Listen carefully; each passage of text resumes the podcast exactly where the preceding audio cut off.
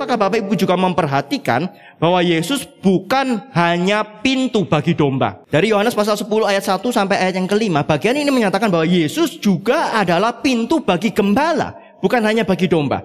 Aku berkata kepadamu sesungguhnya siapa yang masuk ke dalam kandang domba dengan tidak melalui pintu. Tapi dengan memanjat tembok, ia adalah seorang pencuri dan seorang perampok. Perhatikan ya. Dan nanti di bawah Yesus akan katakan, akulah pintu itu. Itu artinya bahwa dia juga adalah pintu bagi gembala. Siapa gembala yang dimaksud di sini?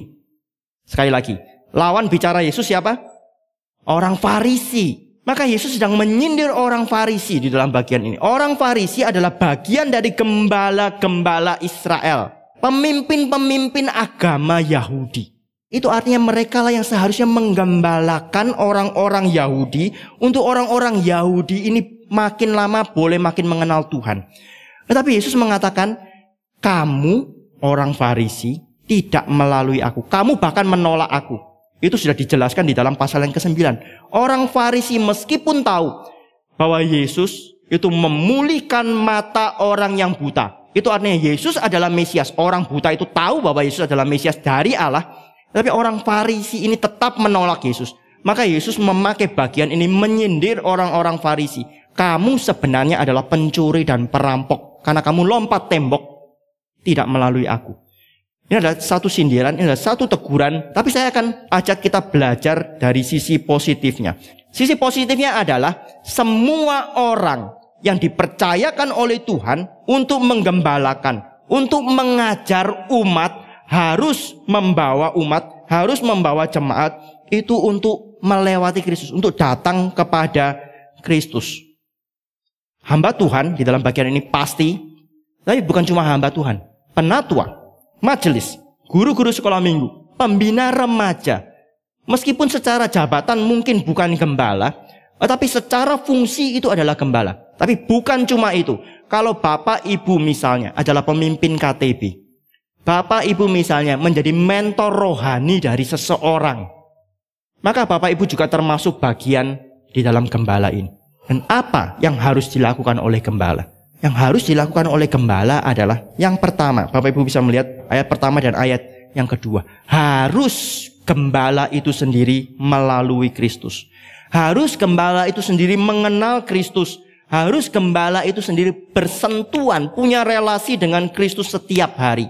Gembala itu setiap hari masuk ke dalam kandang, panggil dombanya, bawa dombanya keluar untuk makan, dan kemudian nanti bawa kembali dombanya masuk ke dalam kandang. Itu artinya bahwa dia sendiri harus bersentuhan dengan pintu itu, bersentuhan dengan Kristus. Artinya dia sendiri harus mengenal Tuhan.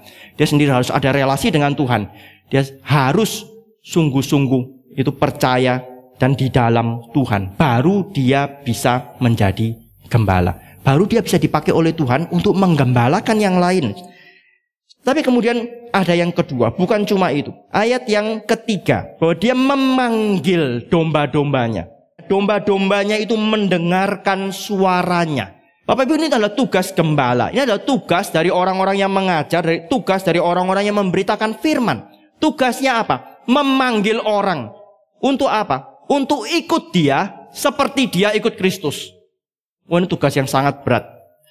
Di dalam Alkitab mungkin cuma satu orang yaitu Paulus yang mengatakan ikut aku seperti aku ikut Kristus. Yang lain nggak berani katakan seperti itu. Cuma Paulus satu-satunya orang yang berani katakan ikut aku seperti aku ikut Kristus. Tetapi ini ideal dari seorang gembala. Bukan cuma itu, gembala itu di sini dikatakan memanggil domba-domba menurut namanya. Artinya apa? Seluruh pelayanan rohani adalah pelayanan relasional. Semua pelayanan harusnya didasarkan pada relasi. Agama Kristen yang dinyatakan oleh Alkitab itu adalah satu-satunya agama yang relasional. Yang diutamakan oleh Tuhan itu relasi. Yohanes 17 ayat yang ketiga. Inilah hidup yang kekal itu. Itu bahwa mereka mengenal engkau satu-satunya Allah yang benar dan mengenal Yesus Kristus yang telah engkau utus. Hidup kekal itu bicara mengenal. Hidup kekal itu bicara relasi.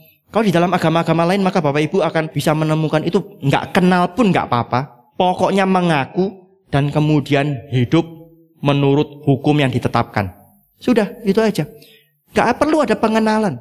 Tapi satu-satunya yang menyatakan bahwa Tuhan mau mengenal dan Tuhan mau dikenal itu adalah Alkitab. Maka di dalam bagian ini tugas dari gembala itu adalah mengenal. Pelayanan itu bersifat relasional. Pelayanan itu bukan sesuatu kewajiban belaka. Bukan suatu profesi. John Piper menulis satu buku, menulis untuk hamba-hamba Tuhan. Gitu ya. Jangan jadi profesional. Di dalam pengertian jangan seperti orang-orang sekedar melaksanakan tugas dan kemudian selesai. Bukan. Tapi ada satu relasi karena memang pelayanan Kristen itu adalah pelayanan yang relasional. Saya harus punya relasi dengan Tuhan. Baru saya bisa dipakai oleh Tuhan memanggil orang untuk mereka juga punya relasi dengan Tuhan. Tetapi saya ketika saya memanggil orang itu bukan berdasarkan tugas saja, bukan berdasarkan kewajiban saja, tapi karena saya juga ada relasi dengan mereka.